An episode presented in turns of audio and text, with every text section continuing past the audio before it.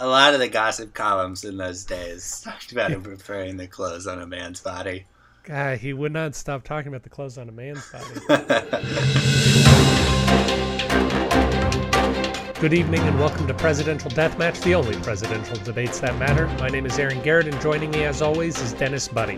Tonight on the program, what did James Monroe's cravat used to be? How can you get your hands on a teapot dome of your very own? And what's shaken in Duluth? Tonight, Dennis and I will be doing a Nixon Humphrey style debate, which means the person who most successfully back channels with the North Vietnamese wins. Dennis, how are you doing today? I'm good. Uh, how are you?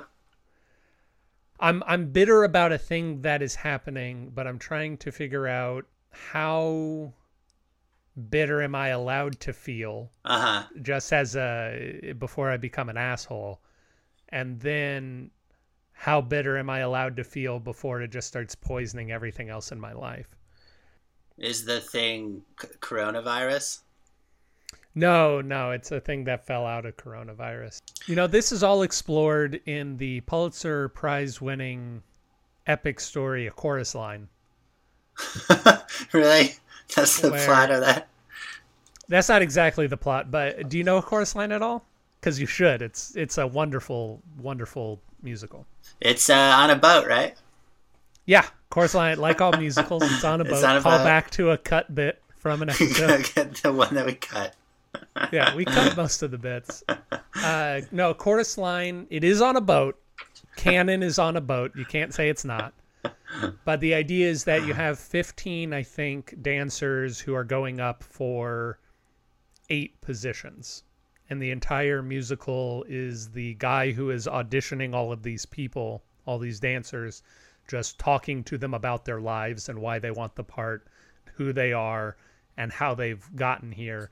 And obviously, these are all people who are dancers, and so they don't make a ton of money. They all just really like dancing. So all 15 of them have really heartbreaking stories.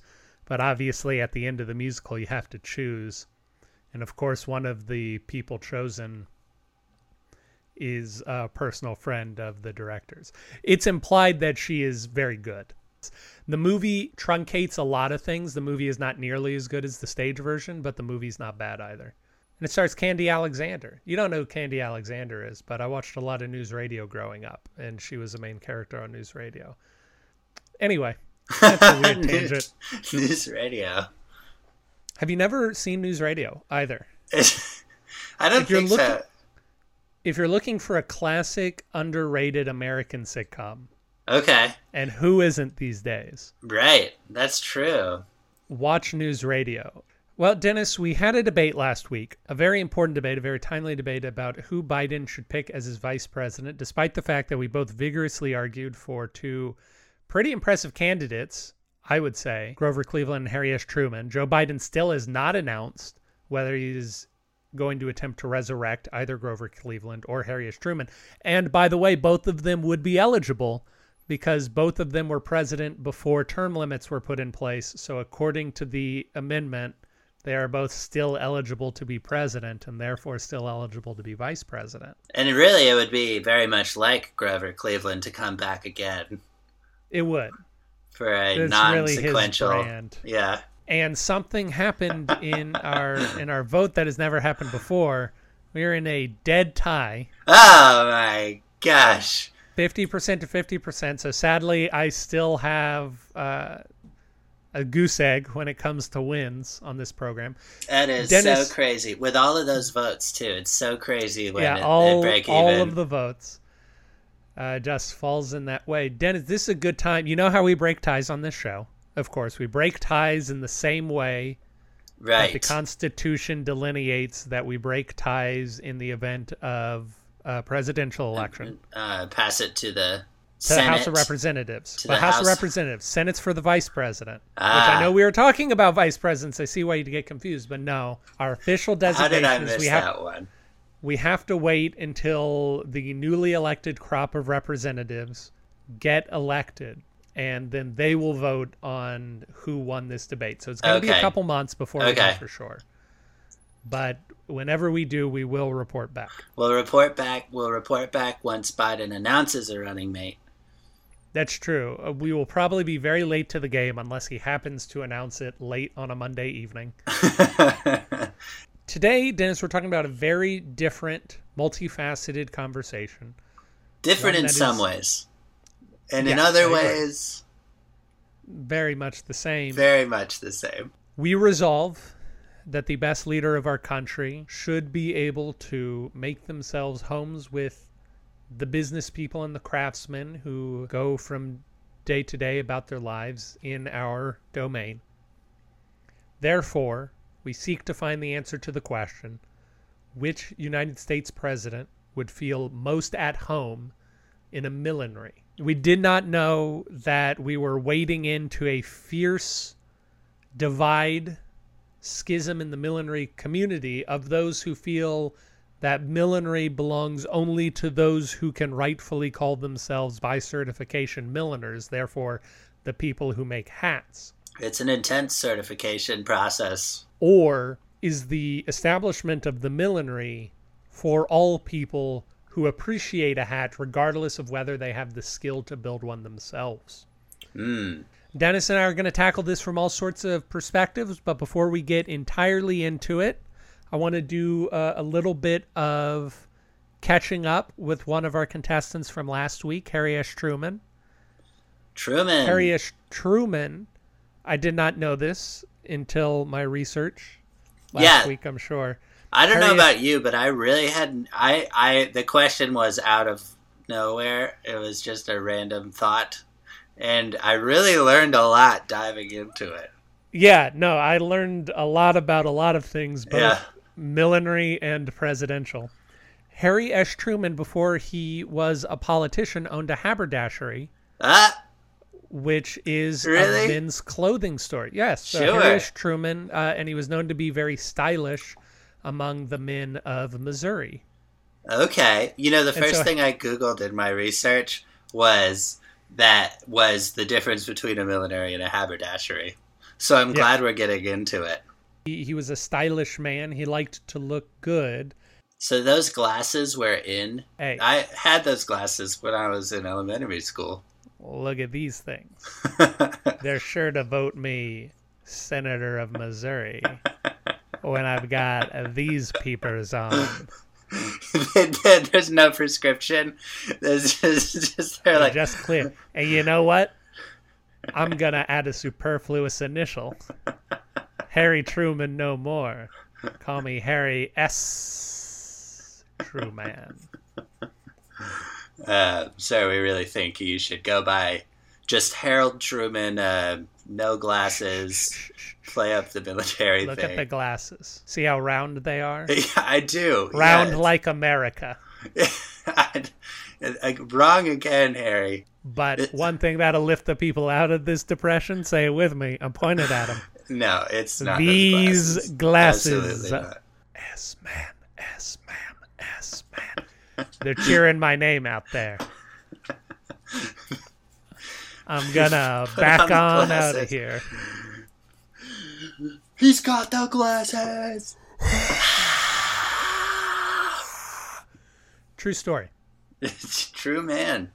So anyway, I think lied. Harry Truman should be our benchmark. You are either above Harry Truman or below Harry Truman. Anyone below Harry Truman cannot be considered to be at home in a millinery. We should address this right now. There's a little bit of a disagreement about whether millinery is a gender segregated term. Does millinery refer to all hats or merely to women's hats? I assume we are on the side of all hats. Yeah, the more I was reading about it, the more it seems like in recent times, like it doesn't it doesn't include baseball caps, and so it kind of started to just not include men's hats as the market got narrowed. Did you see in your research the discussion of John F. Kennedy and No. his connection to the hat industry? No, Okay, so my wife is very into fashion. I wanted to bring her up to briefly discuss the history of hats in the United States, but she refused. that, that sounds that sounds uh, that tracks. Dwight Eisenhower was the last president to wear a hat to his inauguration during his inauguration oath. John F. Kennedy did not wear a hat, and the Ah. presidents after him did not wear a hat. In the 60s, which John F. Kennedy began the 60s in American governance, the 60s is where the hat industry, specifically for men, began to take a downturn. So some people say John F. Kennedy killed the hat industry because people saw him not wearing a hat and were like, oh, John F. Kennedy doesn't do it. I don't need a hat. Into the furnace with you. it was like a, it was like an instant. More level headed historians say things like the men returning home from World War II didn't necessarily they they were mostly used to helmets and they didn't want to wear helmets when they got back home and that the fashion trends of the 60s were all built around rejecting norms. It was all counterculture stuff. Regardless, I think that we can safely say that John F. Kennedy, uh, stylish though he may be, not most at home in millinery, nor any of the presidents that follow him. Because Right. they had a kick ass chance to wear a hat, and they chose not to. I was learning about milliners of, of, of lore, and I read about this milliner, mercury nitrate, which is in the making of felt, you take fur and then you process it, and part of that is mercury nitrate, and then that's how you make the felt. Can give you the shakes, and then Mhm. it can start to affect your entire nervous system and start to make you go um, a little crazy, and that's where Mad Hatter's disease comes from. But everyone just kind of accepted it and was like, "Yeah, it's something Hatters have to deal with." Uh, so, like, even You like, know, so Dennis, we're such a coddled generation that whenever we see a problem, we try to solve it I know. like a couple of wimps. But these guys, they say, hey, we've got this problem that's directly tied to this chemical process. Well, I guess we got to live with it. The way way around it is. I mean, what are we gonna do without felt? I think it's generous to say that we don't just ignore problems today, but this one was was particularly weird. And so in Europe in the 1800s, they started to they find an alternative and deal with it. But for some reason in America, people were like, "No, no, it's just the way it is." So there were like entire cities that were known for the like they called them like it wasn't Duluth, but it was like the Duluth Shakes. So there was one guy who was in this situation in the 1800s. He was a hatter from very young in New York, and you could just tell even just reading his story because he like moved from New York to Boston, found God when he was in Boston, and decided to change its name. And he changed it to Boston. so you're like, okay, this guy's nuts. So his, so his name, Yeah, clearly. is that yeah? And I think this was after. First of was all, a- he moves from New York to Boston. yeah. That right there should cause you to doubt it's his a red flag. Shout out to Andrew. A bunch of other really disturbing stuff that I won't necessarily get too into, but All right. what kind of culminates in him in he ends up killing someone. And who does he kill? Oh, I'm gonna guess James Garfield. No, Ah, he kills John Wilkes Booth. oh, fascinating. He's Lincoln's Avenger. Abraham Lincoln, famous lover of hats. Yes, famous lover of hats. So then, why did I not choose Abraham Lincoln? Well, because Abraham Lincoln was dead by the time this happened. By the time he knew that he ought to owe his life to hats, he was already dead. There's that, and also I feel like the the man who feels at home in a millinery has to be the man who is comfortable in the face of clear systemic issues. Okay. So not only can just easily ignore them, but also sees them and says, "You know what? I'm happy here." Dennis, we I spoke about how Harry Truman owned a haberdashery. Did you know that there was a president who his primary occupation before he was a politician was actually as a tailor? He was the closest president that we got to a person who actually made hats for a living. I feel like I would have seen. I feel like I saw this, but I can't remember who it was. It was Andrew Johnson. Oh, our 17th president of the United States, first president to be impeached. But before all of that happened, famous alcoholic, he was a tailor. So what happened uh, a lot in the old days is child labor. Sadly, it doesn't happen still.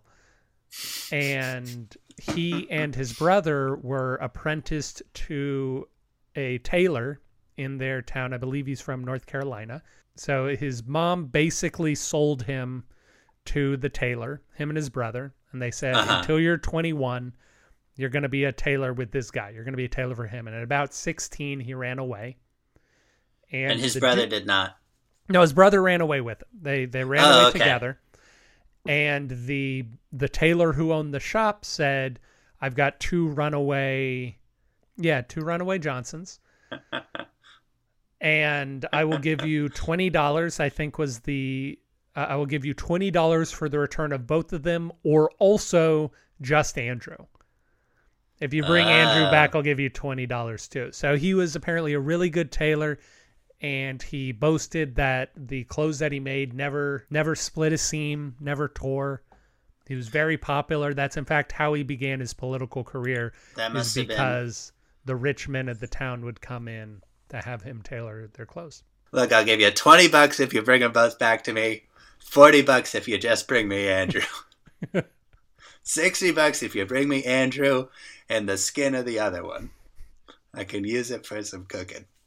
Dennis, I think it's a good time to talk about the general fashionability of many of our presidents. Yes. because of course a a key aspect of being at home in the millinery whether you are making hats or whether you're appreciating them is an understanding of fashion and an appreciation for the language of fashion it may not surprise you to know that our presidents over the years have run a giant gamut Sure. so, for instance, James Madison, founding father, dressed Yes. the very picture of an 18th century gentleman. The problem, Okay. of course, is that he was a president well into the 19th century. okay. And so he was just streets behind. Oh, I love this look. It's because he was still wearing the things that he was given as a very small child. Yes, he never grew out of them. I feel like it's still in. I like it. It's a cravat. Oh, it used to be a beach towel, but I've grown up and now it's a cravat. Isn't that lovely? And then, of course, I I'm a, a fan of talking about Chester A. Arthur anytime I get the chance to. Chester A. Arthur, without a doubt, our most fashionista president. Owned between 40 and 80 pairs of pants, changed his outfit multiple times daily. I think that he would think he's very at home in millinery, but everyone else would kind of think he's a little snooty, you know? Right, sure. Yeah, Jefferson, that's I think his problem too cuz Jefferson on the uh, he does great at being okay with the systemic issues despite acknowledging them. But yeah. the oh, high marks. high marks, but I don't I think that he just keep coming back to you know in France they wear beavers. I get it, man. Hey, we know Canada's right there. You don't think Did we you- get it, Did you know you can eat tomatoes? Tommy? Dude, like, chill out, man. This is why no one joins you at the White House. This is why you're always dining alone at the White House. No, that's by choice. No, Tom, Mes amis come. Means my friends in French. Thomas, you're alienating everyone around you. They we brought want to me a help beaver you. cap. You used to be such good friends with John Adams. What happened to that guy? Oh, come on. I have plenty of friends. I see them just once a year, but that's plenty for me. They brought me a beaver cap last time I saw them. Trapped in Canada, shipped to France, purchased at the Versailles, the Versailles counter, where you can buy caps. Yeah, that's really I don't I really don't like that idea that the Versailles started out. What are they calling it? A gift shop? I don't think that's gonna catch on. Oh, gift shops are going to be huge. And tomatoes. So when we come back, Dennis and I will debate which president would feel most at home in the millinery.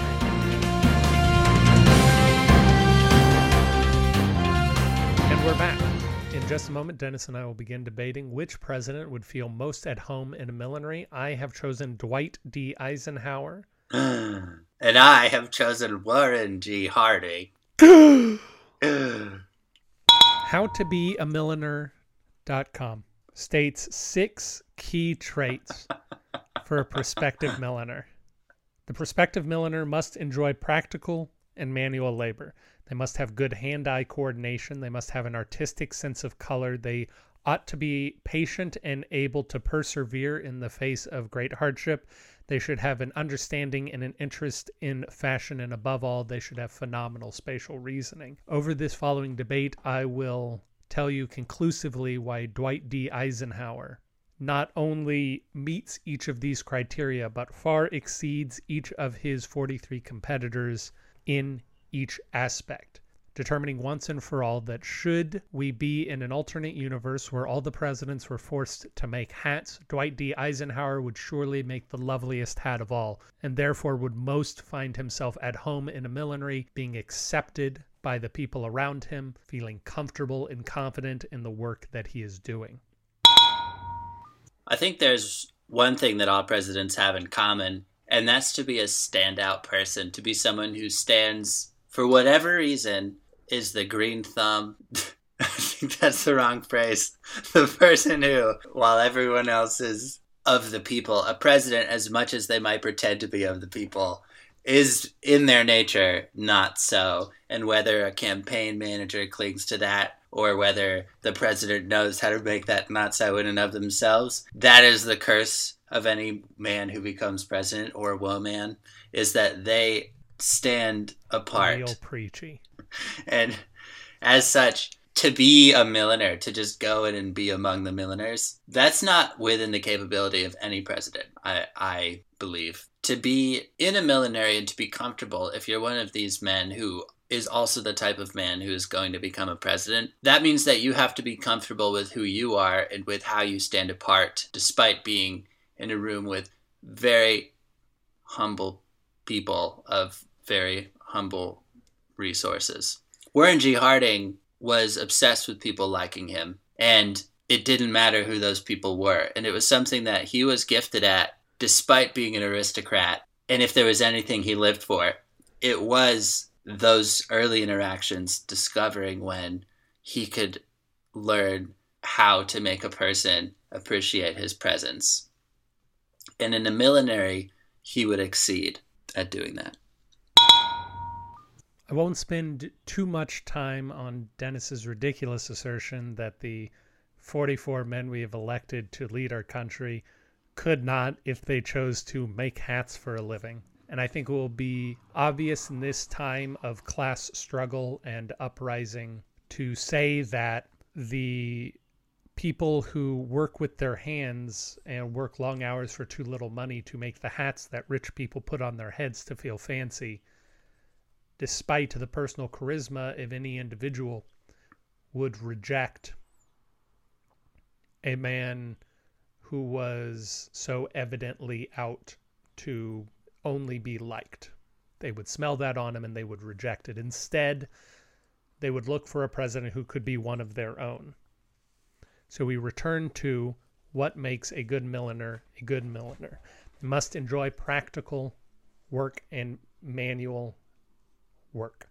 Dwight D. Eisenhower, for 20 years, was one of the most celebrated trainers of infantrymen in the United States Army. He drove men through basic training week after week after week, year after year after year, packing and repacking guns and mortars and pistols, climbing and declimbing, doing everything that's possible in a pre-digital warfare age. There's no doubt that Dwight D. Eisenhower excelled at his manual dexterity. Similarly, he had to teach them shooting and was known as a crack shot. And so he had to have good hand-eye coordination, which is necessary for work in the millinery field. Finally, for this segment, I want to point out that spatial reasoning is an important part, and Dwight D. Eisenhower's military training serves him well in spatial reasoning. Of course, uh, once he was promoted to the commander of the United Allies, he famously coordinated the D Day landings, which had to have a massive amount of both geographical and naval research to do with tides and imaginings of moving things in and about. We see war rooms. We see war rooms. Spatial reasoning is war rooms. When I get another chance, I will talk about the artistic side of Dwight D. Eisenhower. Aaron suggests that I'm asserting that a president could not make hats. I disagree with this assertion that that's what I asserted. A president could have a career making hats, but what I claim is that a president is not the man who makes hats and escapes notice in a factory for a thousand years. A president is a man who decides to go in in there and make hats and then something either he becomes Billy Boy, and everyone's like Billy every time he comes in because he's the he's everyone's favorite guy at the hat shop, which would be the case here with with Warren. Or maybe it's the situ maybe it's the man who realizes we could cut we could cut out a whole step and and he starts marketing these hats in a whole new way and then the millinery takes over and he becomes VP of millining. That's what a president does. So it's the nature of it it it's it's and also to speak to Aaron's claim that these people working in a millinery wouldn't like Warren G. Harding because he wants them to like him. Well, the nature of someone who lives to be liked is that they eventually get to where they conceded it, where they succeed at getting people to like them, because that's what that is. And how do they do it? Through persistence. Through persistence, and that's what he did. He persisted in determining how to make people like him. And the other time that we need persistence in life is when we're we're doing any art, such as making hats. In terms of hats, it's not the army. Spatial reasoning in the army and spatial reasoning with hats. Just want to say nonsense. It's persistence. That's where you get your spatial reasoning. Hard work at millinering I'm not going to let Dennis drag me down into a he said, she said about whether or not he accused presidents of not being able to make hats. He did. You can check the record for yourself. Similarly, I don't think that the idea of being at home in a craftsperson's area is as simple as being the regular at a bar. I think that it takes person much as uh, an esteemed debater that I like by the name of Dennis Buddy argued a few episodes ago in The Barista. It takes someone who really has an understanding of this situation to fully engage with the people there. Back to my list of qualities for an excellent milliner an artistic sense of color. Who knows green better than someone who's in the army? and then an understanding and interest in fashion. And this is where I think Dwight D. Eisenhower breaks all stereotypes and charges forward into a brand new world upon finding that the army jackets that were standard issue in the army were improper for his use and the use of his men. Dwight D. Eisenhower took it upon himself to design a brand new flak jacket, army jacket, that would allow for a greater range of motion and greater durability as well as being overall lighter and cheaper to manufacture than the current standard issue Army jacket. He designed it himself, he put it into production himself, and it ended up being the standard jacket that was used for much of World War II for the troops, thus showing that Dwight D. Eisenhower has the mind of a designer.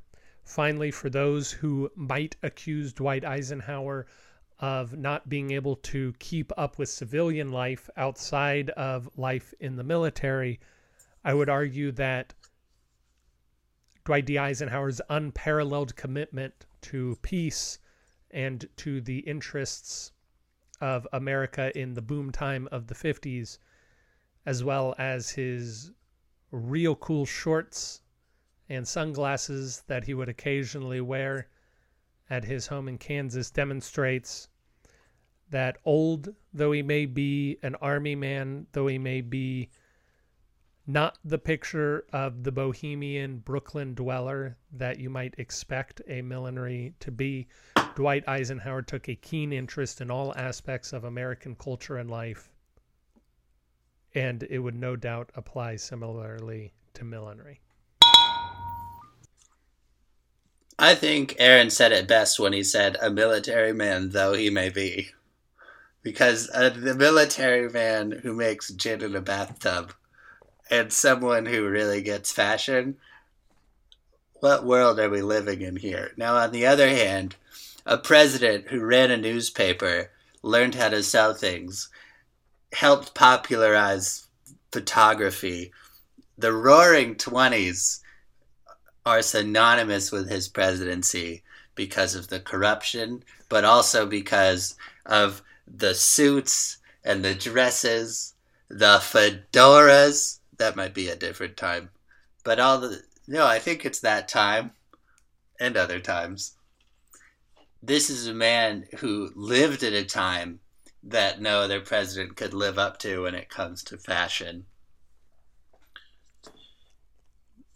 And then when it comes to what I want to bring it back to is this isn't necessarily about who could be a milliner.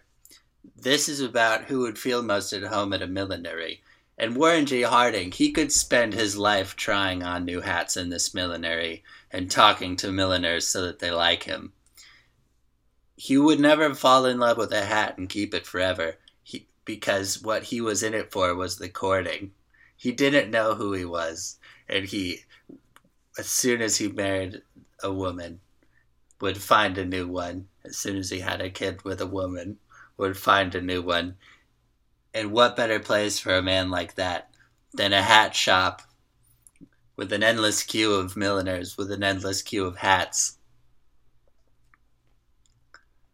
that he can experiment with, decide he likes, and then set aside kindly, try to make someone laugh and try on a new one. This here reveals the central elitism of Dennis's argument. He says a military man cannot feel at home in a millinery. In fact, the person who must feel at home in a millinery is the person who patronizes the shop, someone who already has means to live beyond the very craft that they are indulging in. And in fact, only wants to use the people in this shop to serve his social needs.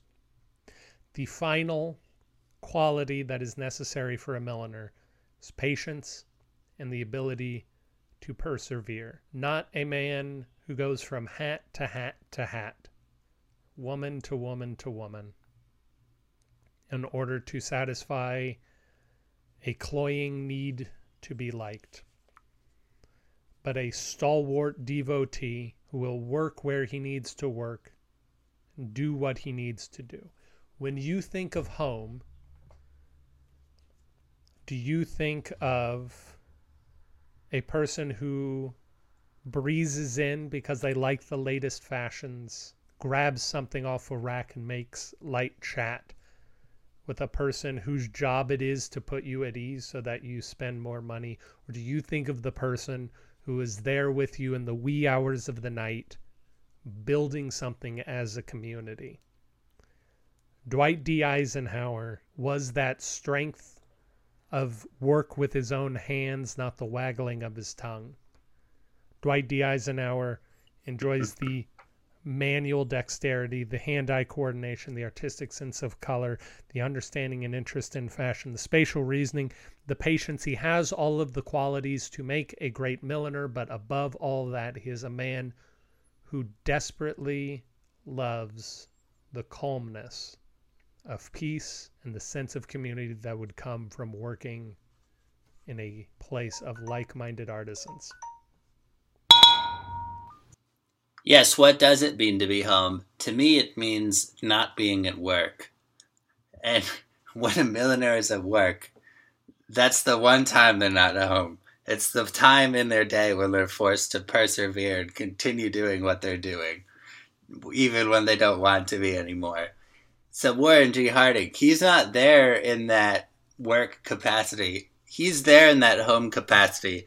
Sad though it may be that this is the closest thing he has to a home, it is because when he's at home, it's when he's introducing himself to strangers and, invo- and avoiding at all costs that time when he's being asked to persevere. And what better place to do that than at a millinery where they're getting paid to make you feel at home and he's drinking it up. And yeah, maybe they're all shaking and feeling sick and he's just standing there being useless but that's what he was known for. From the Teapot Dome scandal to the other many suicides of politicians to the whole prohibition not really working thing. He was a man who knew how to dance it up and feel at home with strangers.